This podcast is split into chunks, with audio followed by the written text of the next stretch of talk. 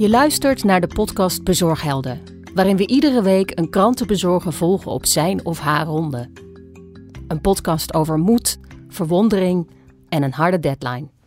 Mede mogelijk gemaakt door krantenbezorger.nl. We kunnen tegenwoordig overal het nieuws tot ons nemen. Toch zijn er nog steeds mensen die het nieuws het liefst in handen hebben. Op papier bij het ontbijt. Datzelfde papier heeft voor sommigen iets magisch. Zo was het ook voor Paul van den Bos. Hij kon zich niets mooiers voorstellen dan het nieuws brengen. En zo begon hij op zijn veertiende. Want dat kon toen nog. Hij is er hoofdredacteur van de AD, van de Nieuws. Goedemorgen. Ja, ja, ja. En hij gaat de wijk, zijn oude wijk lopen. Van vroeger. Hoe lang het geleden is dat, is, eh, dat ik eh, de krant bezorgd heb? Dat is eh, ja, begin jaren 80. Ja, dat is eh 83, 84 zo. Ik was eh 14. Hier heb ik mijn jeugd eh, doorgebracht. Dus de, en uiteindelijk is de, de periode van je puberteit en zo is natuurlijk de vormend voor de rest van je leven. Dus ik ben, eh, hier, is mijn, hier is alles wel begonnen, ja. En waarom ben je het gaan doen? Nou, in eerste instantie natuurlijk gewoon, gewoon om geld te verdienen. Ja, dat is. eh, ja. Om nou s ochtends om vijf uur je bed te komen eh, eh, als hobby is natuurlijk ook wel eh, lastig. Eh, het gekke was wel dat ik toen al wist dat ik journalist wilde worden. Dat is nooit meer veranderd. Wat best eh, makkelijk is in je leven. Als je weet wat je wil worden als je zo jong bent. Dus ik wist dat ik bij een krant wilde. Ik was altijd gigantisch gefascineerd door een krant. Hoe laat moeten ze binnen zijn? Zeven uur. Zeven uur, hè? Dat moet wel lukken. Tijd nog voor één bak koffie of niet? Ik hoop dat ik die straat allemaal nog goed ken. Ik vond het heel leuk om te schrijven. Ik maak altijd opstellen en de, schoolkrant stukjes maken.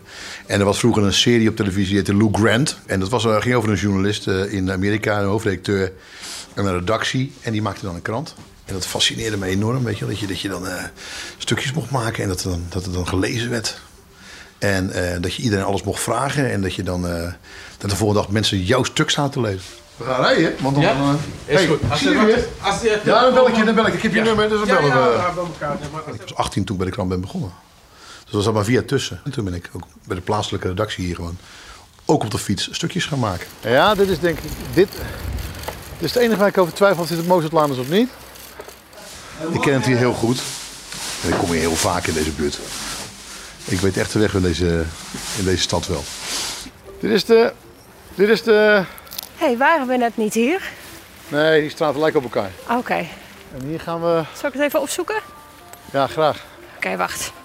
Weet je nog dat jij voor het eerst je naam in de krant zag? Zeker. Ja, ja in eh, september 2000, 1987. Op die maandag stond mijn eerste stukje in de krant. was een eh, voetbalwedstrijd hier verderop.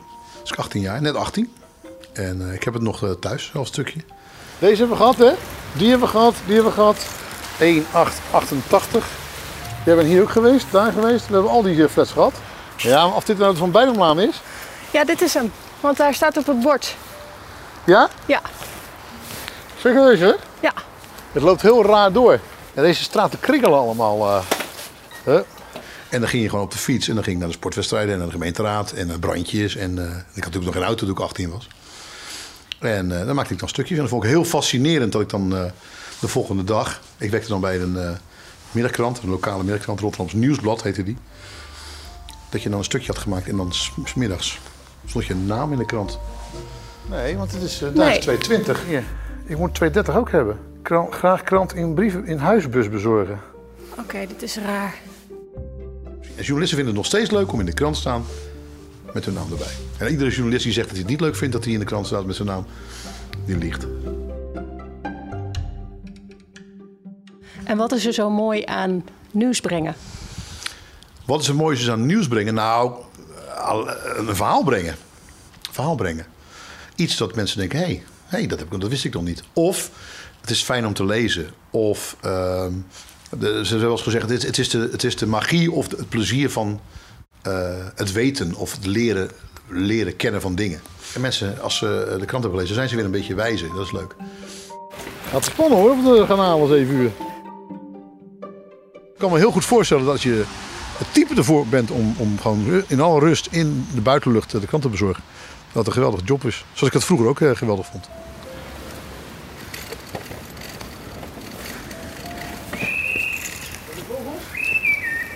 Hoor je de vogels? Even over die operatie. Wat zien wij niet? Uh, nou, uh, niets, bijna. Want de meeste mensen liggen te slapen natuurlijk. Uh, wat zij niet zien is dat de redactie sowieso... dus vanaf half elf door de week... en in het weekend al, hè, vrijdagavond al eerder...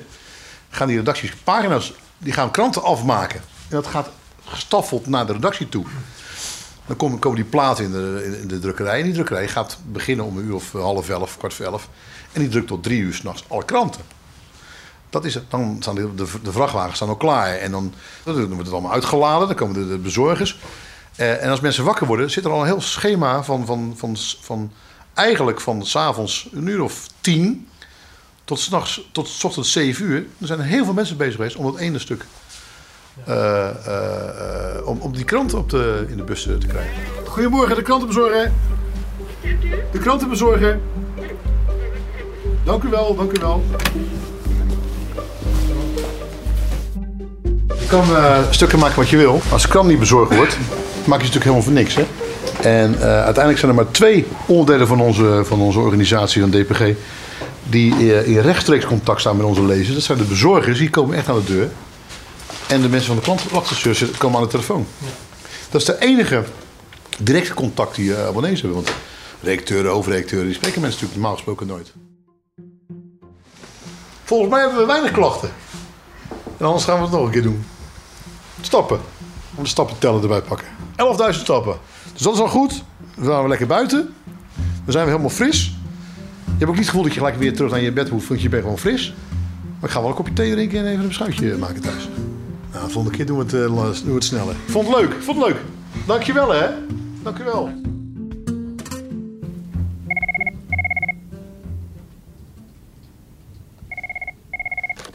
AD Haagse Courant met Madelon Kravenburg. Viel het mee of viel het tegen? Um, ja, het viel tegen. Lijkt nou niet gewoon gaan liegen. Het viel, uh, viel natuurlijk tegen. We hebben er veel langer over gedaan dan, uh, dan gepland. Hè? Dat lag volkomen aan mij. Want ik heb natuurlijk bezorgd in mijn oude wijk. Maar kon bepaalde straten niet vinden. Ik wist de weg niet helemaal in de, in de, in de, in de buurt waar ik zelf opgegroeid ben. Maar geen klachten heb ik achteraf gehoord. Ik vind het werk van hoofdredacteur makkelijker dan het bezorgen van de krant die we uiteindelijk met de redactie maken. Nou, maar uiteindelijk is het natuurlijk wel zo, of je nou bezorgt of de krant volschrijft, of de site of de app. Wat je natuurlijk nooit moet vergeten is dat uh, de lezer graag een krant leest. En die uh, ziet het niet zozeer als een krant, maar als gewoon zijn dagelijkse routine. Hè, die maakt gewoon elke dag, zit hij te wachten tot die dagelijkse huisvriend uh, bij me op de mat valt. Het is gewoon het dagelijkse ritueel van heel veel mensen. En dat mogen wij helemaal nooit vergeten. Een dagelijkse huisvriend. Ja, wij zeggen heel vaak, een, in België zeggen ze dan een dagelijkse rendezvous met de lezer. Het is een dagelijkse afspraak. Het is logistiek best een uitdaging. Maar die gaan we nog steeds heel graag aan. Dit is de laatste aflevering van de podcast Bezorghelden. Dank voor het luisteren. Ben jij ook een bezorgheld? Meld je dan nu aan op krantenbezorgen.nl.